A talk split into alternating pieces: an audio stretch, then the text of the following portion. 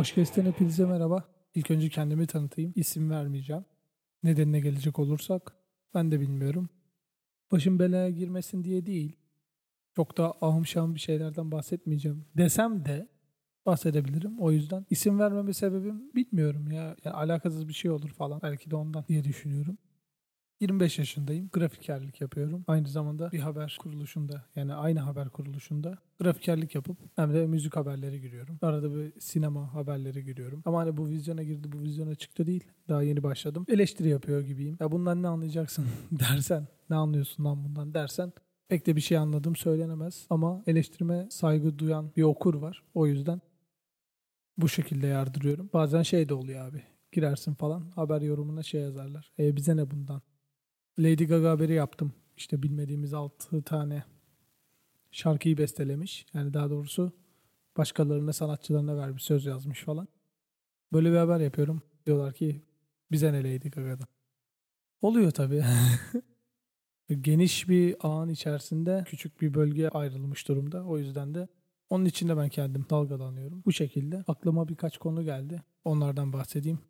İlk podcast olduğu için biraz böyle bocalıyorum ve farkındayım da mikrofonumdan dip ses geliyor. Bunun sorunu nasıl çözeceğim ben de bilmiyorum. Kabloya baktım yok. Ses kartı ile ilgili sıkıntı var mı dedim yok. Kondenser mikrofon zaten dandik bir kondenser mikrofon. Markası bile yok yani. Rode yazıyor ama hani Rode olan değil. Bildiğin R-O-D yazan Rode'dan. Çin malının çakmasının çakması bir mikrofon. Ama elimden şu anda bu kadarlık bir durum geliyor. Podcast araçlarımda şu. Mikrofonun kendi içinde çıkan bir shock mount var. Mikrofonla onu tutturuyorum. Ondan da Ikea'nın kovaları var ya büyük. Onu da onun içine atarak kaydediyorum. Mikrofon ayaklığımda bu oluyor. Ses kartı var bir tane. Safir 6 Focusrite. İyidir kötüdür tartışılır. Arada bir reset atması gerekiyor. Hani kayda durduğun zaman bilgisayar açık kaldığı zaman falan bir süre sonra aradan bir gün geçiyor mesela. Bir daha açıyorsun dip ses yapmaya başlıyor. Söküp takıyorsun kendine geliyor. Klasik Türk mantığı bu şekilde. Bir setup'ım var. Böyle iki büklüm eğrik bir şekilde oturmuş konuşuyorum. Bu yüzden de sesim cansız gelebilir. itici gelebilir. Sesimin tonu garip yani öyle radyocu gibi değilim. Kulak tırmalayan bir ses de diye de düşünebilirsiniz. Aa, yok abi sıkıntı yok devam edelim de diyebilirsiniz. Sorun değil. Ben öncelikle o zaman öncelikle lafını çok kullandım ya. Ben o zaman konuya geçeyim. Konu Jack Gyllenhaal'un bir YPG filmi de başrol oynayacağı IŞİD'e karşı yapılan bir mücadeledeki o bölgeyi savunan Kürt direnişçiler adı altında bir film olacak. Başrolünde Jack Gyllenhaal'a vermişler. Yani daha doğrusu filmin hani çekiliyor mu çekilmiyor mu gibi bir durumu belli değil ama hani aday arasında bu var. Yönetmenliğinde BBC Life, Life belgeseli var ya onu çeken abimiz yapacakmış. Tam da zamanında açıklanıyor bu konu. Afrin'e girdik. 3 tane şehit var ve bunun üzerinden bu şekilde bir film yapılıyor. Olması zaten beni ilerideki konulara götürecek. SCW vesaire gibi durumlar. Propagandayı çok iyi yapıyor YPG tarafı. Çünkü arkasında bir şekilde Amerika olduğu için bir şekilde değil her şekilde Amerika olduğu için. Ya biz burada kötüyüz, biz burada işte açız. Türk foşik Türkler bize saldırıyor falan diyor. Fakat işin gerçeğinde şu da var. Bir fotoğraf gördüm habercilik adı altında. Önümüze ajanslardan bir sürü fotoğraflar düşüyor. Bunlardan birini gördüm şok oldum. Köylerini koruyan kadınlar 25 yaşından tutun da 70-80 yaşına kadar ellerinde kalaşnikovlarla savunuyorlar. Savunma açısından dediğim zaman şu anda hümanist bir yaklaşım gibi duracak ama öyle bir şey demek istemiyorum. Sen bunları tamam silah. Bizde de mesela Kurtuluş Savaşı'nda kaç tane kadın yardım etti. O şekilde o şekilde bağlamayacağım ama sinirlenmeyin hemen. Sonra bu kadınlar çatışıyor. Sen bunların tepesine bomba atarsın. Ondan sonra da bunlar yayın organını öyle bir yapar ki işte Türk halkı foşik Türkler sivilleri öldürdü falan diyecek. Ya bunun da zaten farkındalar. O yüzden iyice gaza geliyorlar. Bu durumda zaten kötü bir etki haricinde şu da var. Sen gelip de bir devlete karşı küçücük bir organizasyonsun. Bir Amerika tarafından beslenen bir organizasyonsun. Senin bir ülke bütünlüğün yok. Hak ihlal edersen kusura bakma gözünün yaşına bakmazlar. Toplarlar seni. Her yerden toplarlar. O kendi kendinize kaldırdığınız cenazelerin kat kat kat kat kat kat artacağını siz de biliyorsunuz. Bu işin sonucu ne olacak ben de bilmiyorum. Burada şey algısı da var. Yani basının bir şekilde hani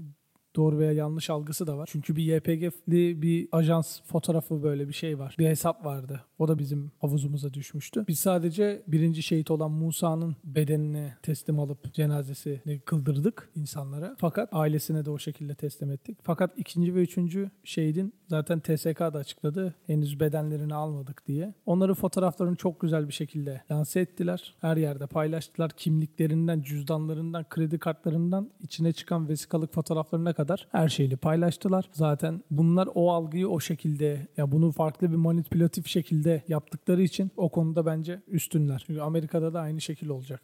Geçen bir tane onların analisti bir herif vardı. Max Abrams diye. Yani Amerika'da bir bu işte Orta Doğu'daki durumları değerlendiren bir herif var. Hatta adamla da şey arkadaş bu Reza davasında izleyen bir tane abi vardı ismini unuttum. Onunla bayağı samimi arkadaşlar. Geçen şey demiş hani IŞİD'le mücadele için kusura bakmayın ama ne demişti? Bir saniye abi. Sevgili Kürtler, IŞİD'le Suriye'deki IŞİD'le mücadeleniz için teşekkür ederiz. Fakat sizinle bu konuda Türklere sırt çevirecek değiliz. Umarım anlamışsınızdır. Amerika demiş mesela. Bu gelinen ortak kararlarda bunu gösteriyordu. Ama yine de Amerika yardım etmeye devam edecek. Yine de onlar açısından da bizim açımızdan da kayıplar olacak. Umarım bizim tarafımızdan bu kadar büyük bir etki altında bir durum söz konusu olmaz. Umarım biter bir an önce. Herkes barış, huzur ve refah içinde olur. Ve bir sonraki konuya geçiyorum abi. SCW'nun yardırdığı Grammy, Grammy'deki adaylar ne olacak ne bitecek diye bakarken Oscar'da dedik olan yetti artık falan derken Grammy'de de aday var bayağı bir şu şekilde. Daha daha doğrusu şöyle işliyor olay. Şu sıra rap kategorisi için demiyorum. Rap kategorisinde tamam siyahi olabilir. Fakat yeni artistlerin arasında mesela çoğunluğu siyahi. Siyahi karşıtlığı yapmak için demiyorum. Bunun olayını yani insanların gözüne sokmalarının sebebini söylüyorum. Questlove diye bir baterist bir abi var. Zenci, kafa böyle bonus, afro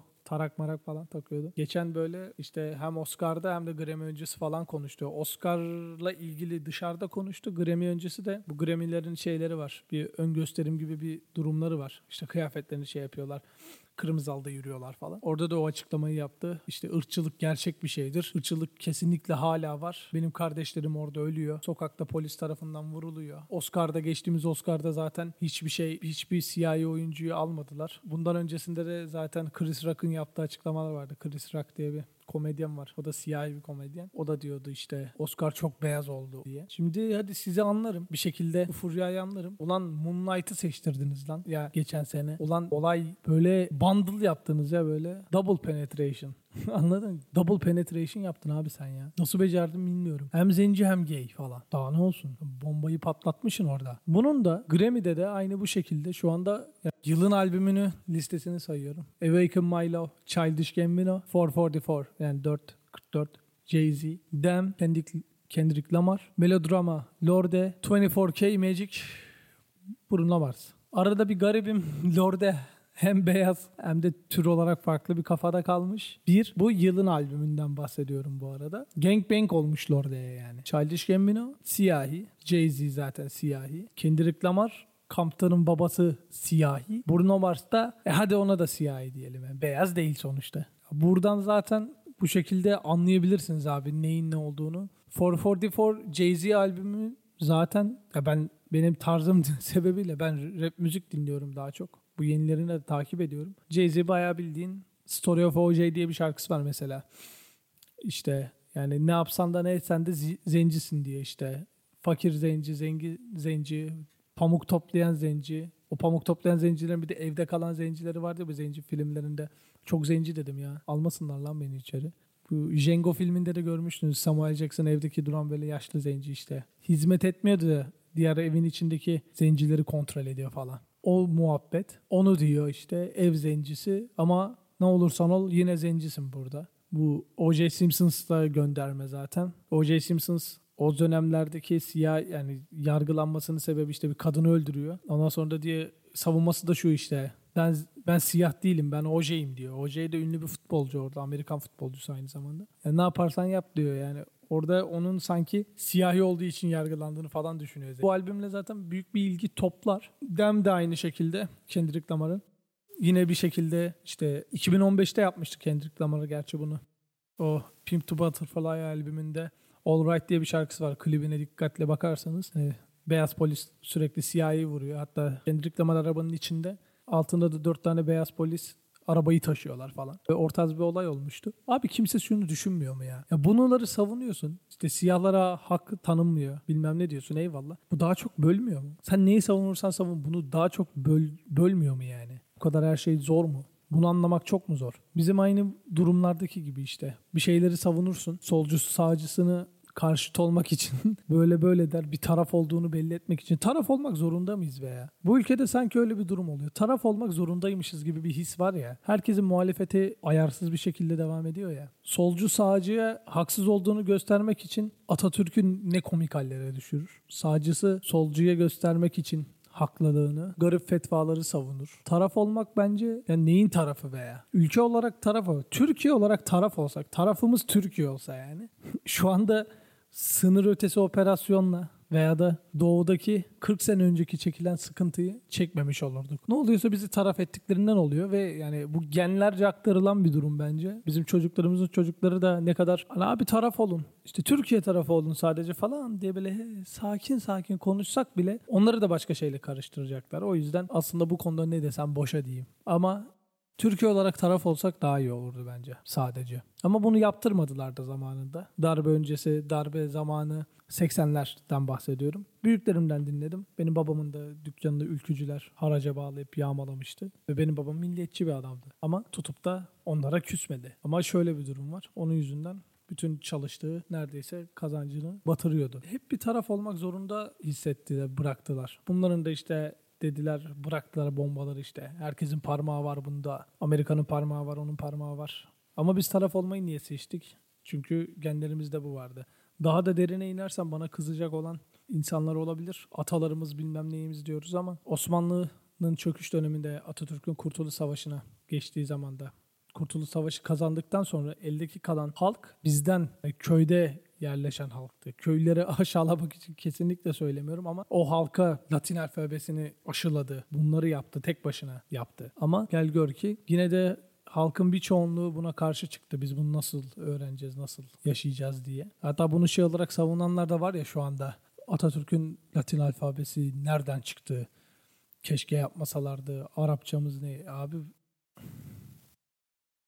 Türklükten bahsediyorsun. Arapça kelime söylüyorsun. O zaman sen Türk değil Arapsın. Osmanlı'yı savunuyorsun. Osmanlı kadar da karma bir ortam yok yani. Şahse, şehzadelerin çoğu hep yabancı haremlerden devşirme. Haremdeki kadınlardan olmalar. Yani bunun neyini o zaman bununla ilgili savunma. Bambaşka bir konu. Beğenin veya beğenmeyin. Batıktan düşüyorduk. Atatürk geldi bizi kurtardı. Bunun gelin beni taşlayın hadi abi. Kim gelirse gelsin beni taşlasın. Ama işte efendim Atatürk şöyle yaptı da böyle yaptı da. İşte hocaları astır. Bir de bu var ya hocaları astırdılar. Ulan IŞİD'den betermiş onlar en azından. Neyi savunmuş da. Her neyse abi. değiştireyim konuyu da yardırırsam 2,5-3 saat olur. Podcast hiç uğraşmak istemiyorum o yüzden. Ha şeye geliyordum. SJW dedik, Grammy dedik değil mi? Aynen. Bir de bunun Oscar adayları var. Bu senekiler zaten bomba. Bununla ilgili iki filmle konuşacağım. Get Out'la ilgili konuşmak istemiyorum. Hani biz zencilere özendik o yüzden işte direkt spoilerlı söyleyeyim yani. Kız beyaz, sevgilisi zenci. Ailesiyle tanıştırmaya gidiyorlar. Meğersem başka bir kumpasın içindeymiş de işte adamın kafasını da beynini çıkarıp da bir şeyler bir şeyler. Hiç anlatmak bile istemiyorum anasını e tamam o şekilde dikkat etmeye çalışıyorsun da SCW deyip geçeyim. Bir o. iki Call Me By Your Name diye bir film çıkıyor. Yani o da daha doğrusu Oscar adayı. Film mi kısaca özetleyecek olursam kitaptan uyarlama zaten. Ya zaten iş, insanlığın bug'ını şu şekilde buluyorlar. Kitaptan uyarlama. Bir de based on true story dediğin an en Oscar goes to direkt bitiyor olay. Kısaca şöyle özetleyeyim. İki biseksüel erkeğin aşkını anlatan film. Bu kadar. Şimdi biseksüelle geçtiler mesela. Direkt. Bu sefer bu senede sizin yanınızdayız. Bu senede böyle olsun. Ki halka, kitleye aynı anda hitap edelim. Biseksüellik karşıtı değilim. Eşcinsellik karşıtı da değilim. Homofobik bir insan kesinlikle değilim. Fakat bize bunları koyarak azınlığı birbiriyle kucaklaştıracaklarına daha çok salgın saldırganlaştıran ve milleti de buna göre tetikleten, bilip bilmeden ne olup ne olmadığını insanlar bir şey için savunuyor tamam sonuç olarak. Sonra işte diyecekler ki eşcinsellere özgürlük bilmem ne diyecek. Bu sefer de straightlere karşı baş kaldırı düzenlenecek. Sokakta gördükleri insanları, straight olan kişileri dövmeye kalkarlar falan diye ödüm kopuyor. İşte bu fark ayrım olmasın diye korktuğum bir şeydi bu. Call Me By Your Name mi de koyduklarında listeye. Bilmiyorum o ne olacak. Filmi izlemedim. Hem İtalyan hem böyle Yahudi falan galiba. Bir küçük çocuğun 17 yaşındaki bir çocuğun. Babası da böyle araştırma görevlisi falan. Oradan da onların yanında birinin evine bırakıyor. Oliver diye bir araştırma görevlisi var galiba. Profesör var. Onun evine stajyer olarak giderken ikisi birlikte çok güzel bir yaz tatili yaşıyorlarmış. Geyik bu. Bakalım ne olacak? Yani bunu kullanarak insanları daha ne kadar tetikletecekler? Hani ayrım konusunda demek istiyorum. Filmin olayı değil. Ayrım konusunda demek istiyorum. Moonlight'ta da aynı bok oldu. Moonlight'ta da aynı boku yediler. Moonlight filmini sevdim eyvallah. Hani güzel bir kurgusu hikayesi vardı ama milleti bayağı bir tetiklediler yani dışarıda. Az gibi koşturuyorlardı neredeyse. O yüzden şey dalgası oldu ya La La Land, Moonlight. Onda bile tetiklendiler ya. La La Land ne oluyor lan falan diye böyle. Sonra a pardon ya Moonlight'mış Moonlight'mış falan deyip geçiştirdikleri dönemler. Hep de o amcaya denk geliyor yanlış anonslar ya. Neydi Steve Harvey miydi? o amca o amcanın dünya güzeli gafı efsaneydi ya. Her neyse. The Post'a geldim abi. The Post'a izlediğim son adaylardan biri. 4 Mart'a kadar daha çok yolum var. Geriye kaldı 5 film. Onlara da bir bakarım.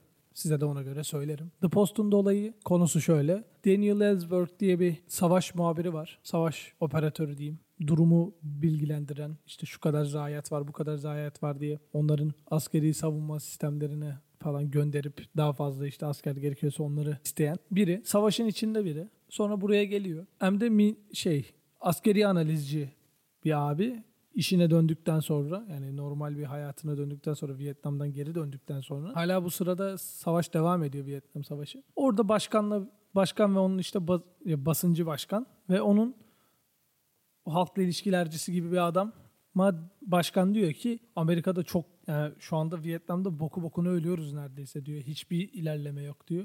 İşte Daniel'ı çağırıyor. Diyor ki sence nasıl diyor. Evet ben de şu anki aldığım son kaynaklara göre bok gibi diyor. Bak görüyorsun değil mi diyor. Sonra birlikte uçaktan iniyorlar. Uçakta basın çıkıyor karşısına başkanın. Diyor ki nasıl buldu şey nasıl durum diye. Gayet iyi gidiyor Amerika kazanacak falan diyor. Daniel da tabii diyor ki ee, o iş öyle olmaz diyor. O da Rent diye bir arşivci, arşive giriyor. Hem askeri dokümanları analiz etmesi için oraya onun giriş izni var. Bütün bu Pentagon kağıtları diyorlar. Pentagon Papers diyorlar. Onun bulunduğu kasaya gidiyor küçük böyle bir kasa. Oradan geliyor bütün başkanların Vietnam kararının hepsinin yazdığı bir 4-5 dokümanlık bir kağıt var. Onları alıyor, kaçırıyor. İş burada başlıyor. The Post'un konusu böyle başlıyor. New York Times'a ilk önce bu şeyleri gönderiyor belgeleri gönderiyor. The Times yayınlıyor birkaçını. Sonra The Times'a başkanlıktan, Amerikan başkanlığı başsavcılığından diyor ki eğer bunu yayınlamaya devam ederseniz sizi mahkemeye vereceğiz. Amerika'nın bütünlüğünü bozduğunuz için. Güvenilmez bir devlet olduğunu iddia ettiğiniz için diyor. Bunlar da The Post'takiler de o gün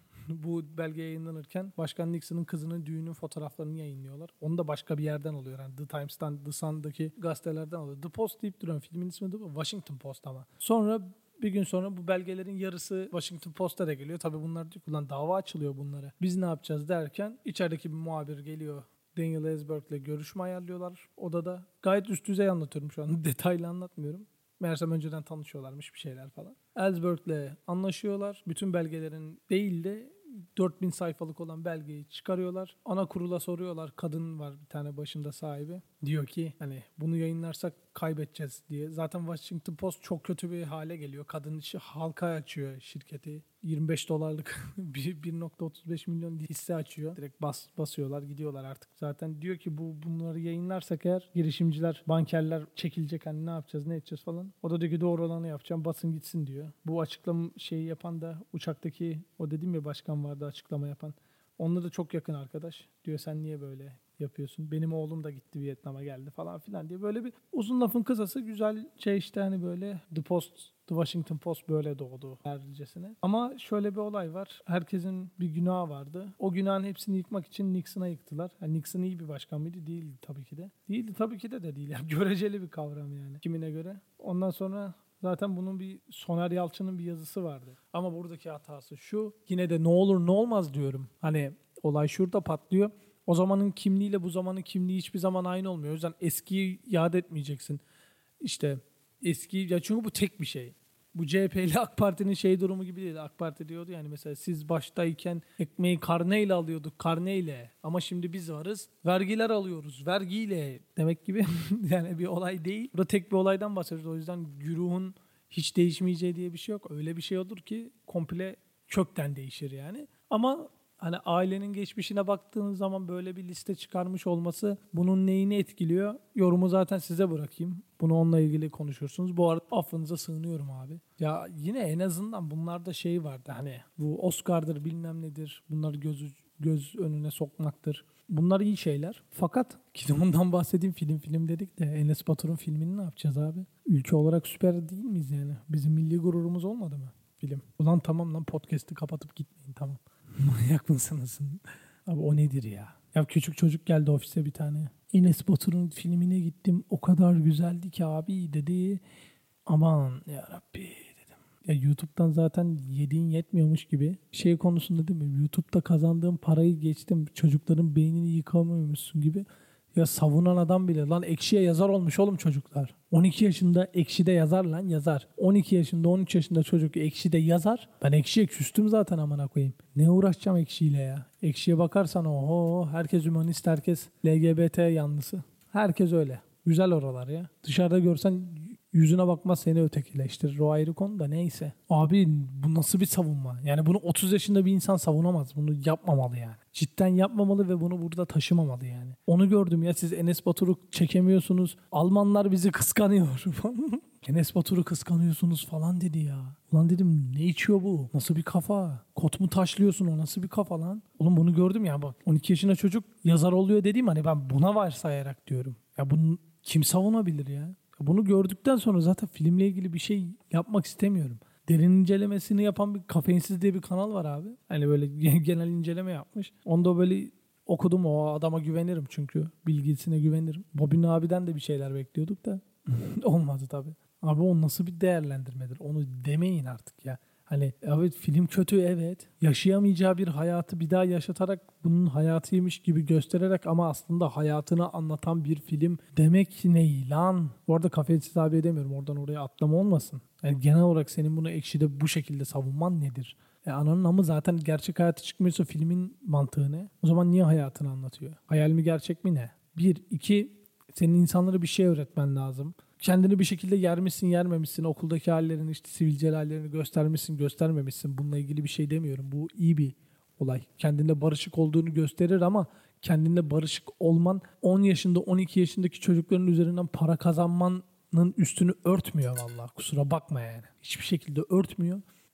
Adamlar götünü yırtıyor. Bak YouTube ünlüsü diye bir şey yok. YouTube ünlüsü diye bir şey yok. Eline bir şey alıp çalıyor musun? Yok Güzel bir oyunculuğun var mı? O da yok. Webcam'e kafa atarak bunları ünlü yerine koyan, altın kelebeği verip sonra da Allah geri aldılar ama kötü örnek oluyor diye. Evet örnek oluyor işte kötü örnek oluyor. Altın kelebek ödülü verip en iyi YouTuber ne lan? Öyle bir kategori de açtınız helal olsun size.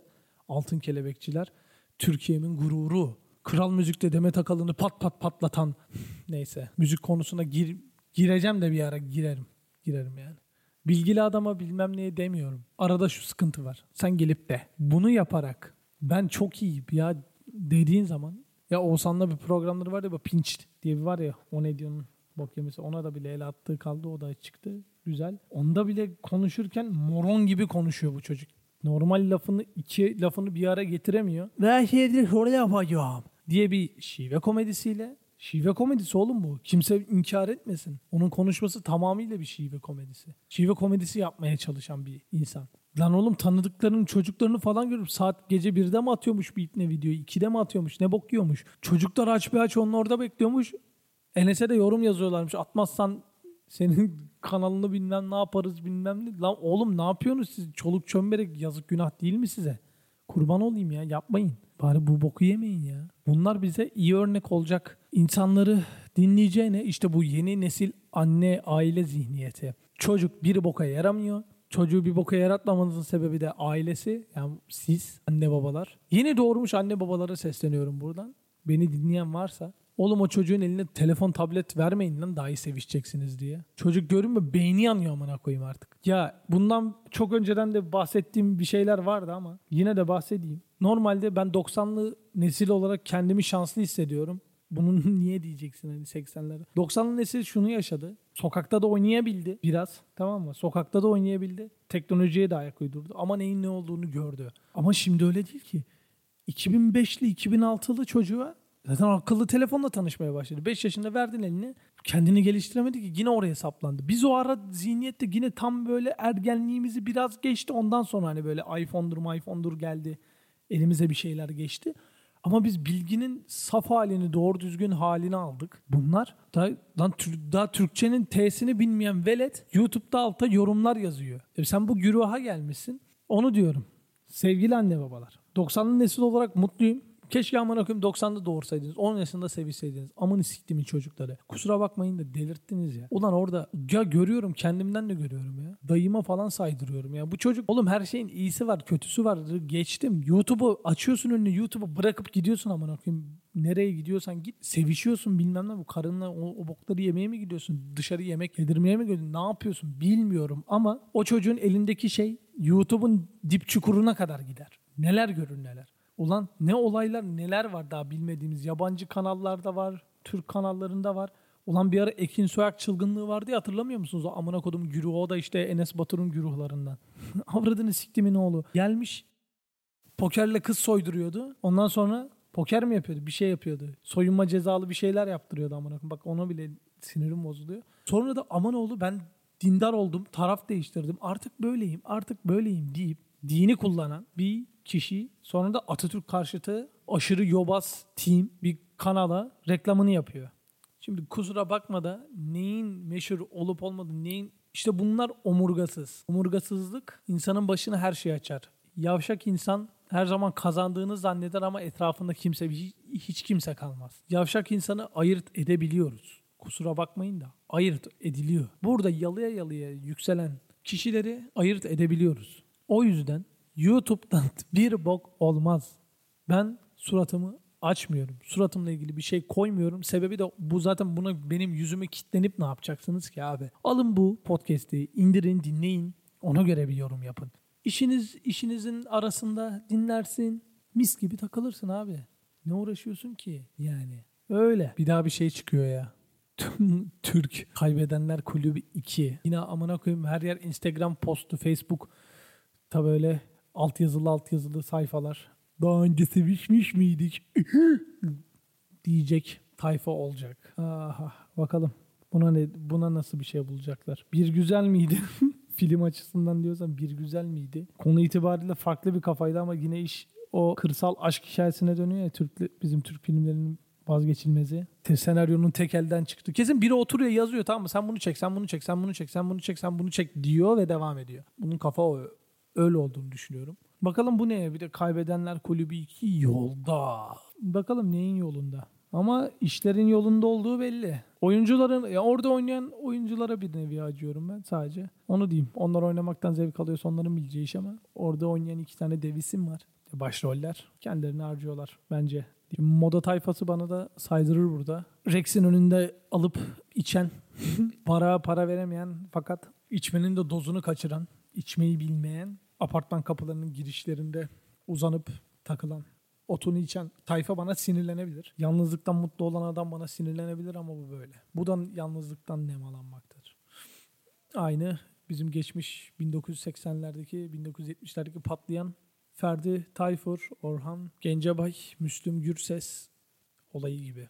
Hepsi öyle şeyler, öyle müzikler yaptılar ki, öyle şarkılar yaptılar ki hepsinin ellerinde kan var. Bizim Türkiye'nin sıkıntısı da bu oldu işte. Tek bir kanaldan yardır gitsin. Öyle bir enjekte ettiler ki kendini konserlerinde kendini kesenler mi dersiniz? Evinde sorun çıkarıp ailesini öldüren mi dersiniz? Kendini öldüren mi dersiniz? Bunların hepsini bunları yapan ruh hastası değil. Ruh hastası olan da var ama ruh hastası değil. Normal bir insan görüyorsun. Bunlara örnek olan tayfa da bu işte. Kollarında jilet görüyor diye çocuk 12-13 yaşında amına koyayım ergenliğinde kız arkadaşı sevdiği kız onu sevmiyormuş diye kollarını jiletliyor. Ve hiçbir şey sebepsiz özentilik sadece. Bunlara sebep oldu hepsi. Müzik dünyası beni Orhan sever, Müslüm sever, Ferdi severci de gelir beni taşa tutar ama yapacak bir şey yok bu böyle. Hepsinin elinde kan var ve bunlardan iyi para kazanıp yalıda oturan Orhan Gencebay'a saygılarımı sunuyorum. Arkadaşlar ilk yayın böyle olsun. Karman çorman yapmamaya çalışıyorum ama bayağı karman çorman olmuş. Bir daha bizim baktım da. Hepinize iyi geceler, iyi akşamlar, iyi günler ve günaydın.